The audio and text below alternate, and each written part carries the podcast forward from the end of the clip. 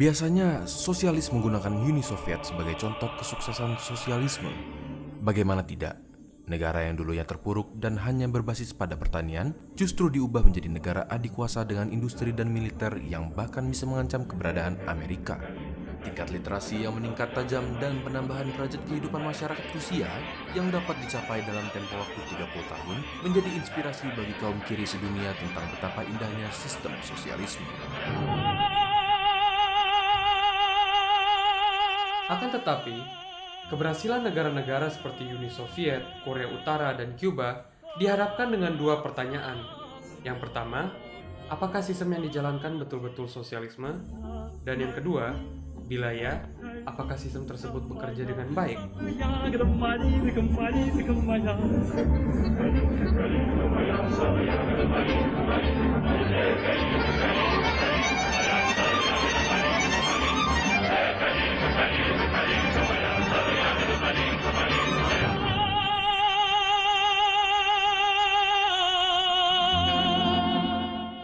Mendefinisikan sosialisme merupakan masalah bagi para sosialis sejak dulu. Meskipun pengertian secara simpelnya adalah suatu sistem di mana properti dan distribusi kekayaan dan sumber daya dikuasai secara kolektif melalui pemerintah dan bukan oleh individu yang mencari self-interest, banyak sekali pertanyaan-pertanyaan seperti peran pemerintah, peran pekerja, pasar bebas, yang mendapatkan jawaban yang berbeda-beda dari sosialis-sosialis sebelumnya. Hal ini menyebabkan terjadinya perdebatan di antara kaum kiri sendiri. Kenapa negara sosialis sebesar Uni Soviet dan negara-negara sosialis lain bisa gagal? Salah satu contohnya adalah pakar ekonomi Michael Leibowitz.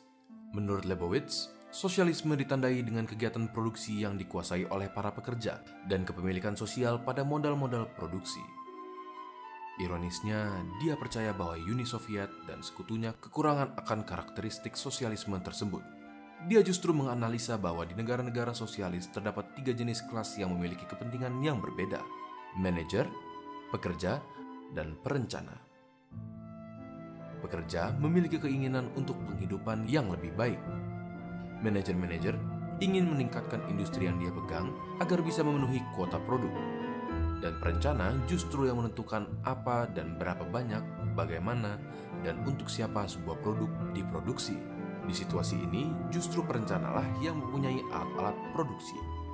Beberapa jurnal ilmiah bahkan berpendapat bahwa negara-negara sosialis, khususnya Uni Soviet, tidak masuk dalam kriteria sosialisme seperti apa yang pendirinya impikan, melainkan Uni Soviet adalah tidak lebih dari bentuk baru sistem merkantilisme abad ke-17, di mana pemerintahan ditandai dengan munculnya elit-elit politik yang dikuasai oleh diktator, intervensi pemerintahan yang besar dan pembentukan kartel-kartel dan monopoli ekonomi, pengekangan kebebasan ekonomi untuk mempertahankan monopoli ekonomi yang sudah ada yang hanya bisa didapat melalui koneksi politik, dan proses birokrasi yang rumit. Para perencana produksi memiliki tugas untuk menentukan seberapa dan barang apa saja yang diproduksi melalui instruksi pemerintahan pusat. Akibatnya, praktik korupsi, penyogokan, dan politik rente menjadi hal yang biasa terjadi. Dalam memenuhi kebutuhan sehari-hari, pungli sering dilakukan oleh pejabat-pejabat negara. Para elit juga bisa menyogok aparatur pemerintahan untuk memberikan mereka hak-hak spesial. Salah satu contoh yang paling sederhana adalah mereka bisa menyogok sekolah pemerintahan untuk menerima anak-anak mereka bersekolah di tempat tersebut. Karena memenuhi kebutuhan sehari-hari menjadi hal yang sangat sulit, praktek perdagangan ilegal dan pasar gelap menjadi merajalela di Uni Soviet. Terlebih dari itu, untuk mempertahankan sistem ini, polisi rahasia dan tentara sering bertindak semena-mena. Yakin ini surga yang ditawarkan para sosialis. Tentu saja ada banyak sosialis dan kaum kiri yang tidak setuju dengan pendapat ini. Mari kita asumsikan bahwa negara-negara sosialis betul setia pada paham Marx. Maka, apakah mereka sudah membawa kesejahteraan? Pada tahun 1980, masyarakat Soviet mengalami ketimpangan kekayaan yang sangat tinggi di mana kurang dari 2,5% populasi memiliki kekayaan yang lebih dari mayoritas masyarakat. Ketimpangan geografis juga terasa di mana satu daerah yang ditempati oleh 0,4% populasi Uni Soviet mengkonsumsi 56% makanan yang berkualitas tinggi dan 100% dari semua makanan di daerah tersebut. hanya minoritas orang yang dikategorikan sebagai kelas menengah, yaitu mereka yang memiliki tempat tinggal, mobil, dan peralatan rumah tangga. 86% dari masyarakat Uni Soviet hidup dalam kemiskinan.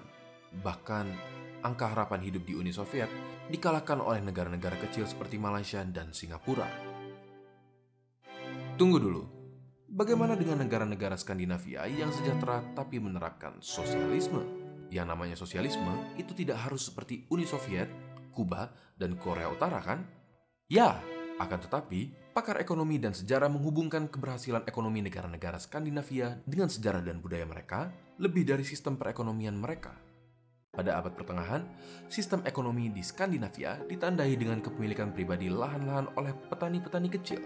Cuaca yang keras memaksa mereka untuk bekerja keras dan menjadi mandiri. Inilah yang menyebabkan etos kerja yang baik. Perlu diketahui bahwa negara-negara Skandinavia mulai menerapkan kebijakan pasar bebas atau kapitalisme pada tahun 1870 dan semenjak itu mengalami pertumbuhan ekonomi yang luar biasa. Ironisnya, pertumbuhan ekonomi tersebut mengalami penurunan pada tahun 1960 dan 1970 ketika pajak yang tinggi dan kebijakan welfare mulai diterapkan.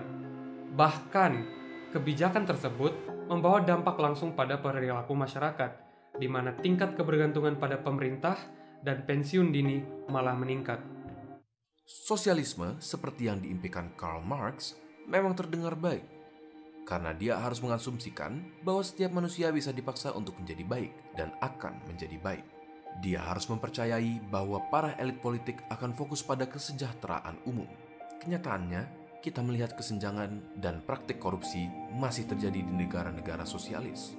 Sosialisme dan otoritarianisme harus menjadi bagian yang saling melengkapi dan tidak bisa dipisahkan. Adam Przeworski, seorang sosialis, bahkan mengakui bahwa sosialisme tidak dapat diterapkan secara efektif karena sulitnya pemerintah sentral untuk menentukan keperluan dari tiap-tiap individu yang subjektif. Pada tahun 1957, seorang komunis asal Yugoslavia, Milovan Djelas, mengatakan bahwa kelas baru telah bangkit di Uni Soviet yang menyamar menjadi sosialis, tapi malah menindas masyarakat miskin. Maka, revolusi harus diadakan untuk mengalahkan kelas itu lagi. Marx mengatakan bahwa dunia dengan sendirinya akan bergerak menuju sosialisme dan akhirnya komunisme. Sudah satu abad setelah dia menulis hal ini, dan hal ini tidak pernah terjadi Justru yang terjadi adalah bermunculan interpretasi dan interpretasi ideologi yang tak kunjung selesai. Bukannya malah berkembang, sosialisme dan komunisme justru mengalami kemunduran. Dan meskipun di suatu waktu kita akan mencapai komunisme, apakah kita yakin tidak akan ada kontradiksi dalam komunisme? Atau mungkin sosialisme dan komunisme memang ditakdirkan untuk gagal dalam jangka panjang?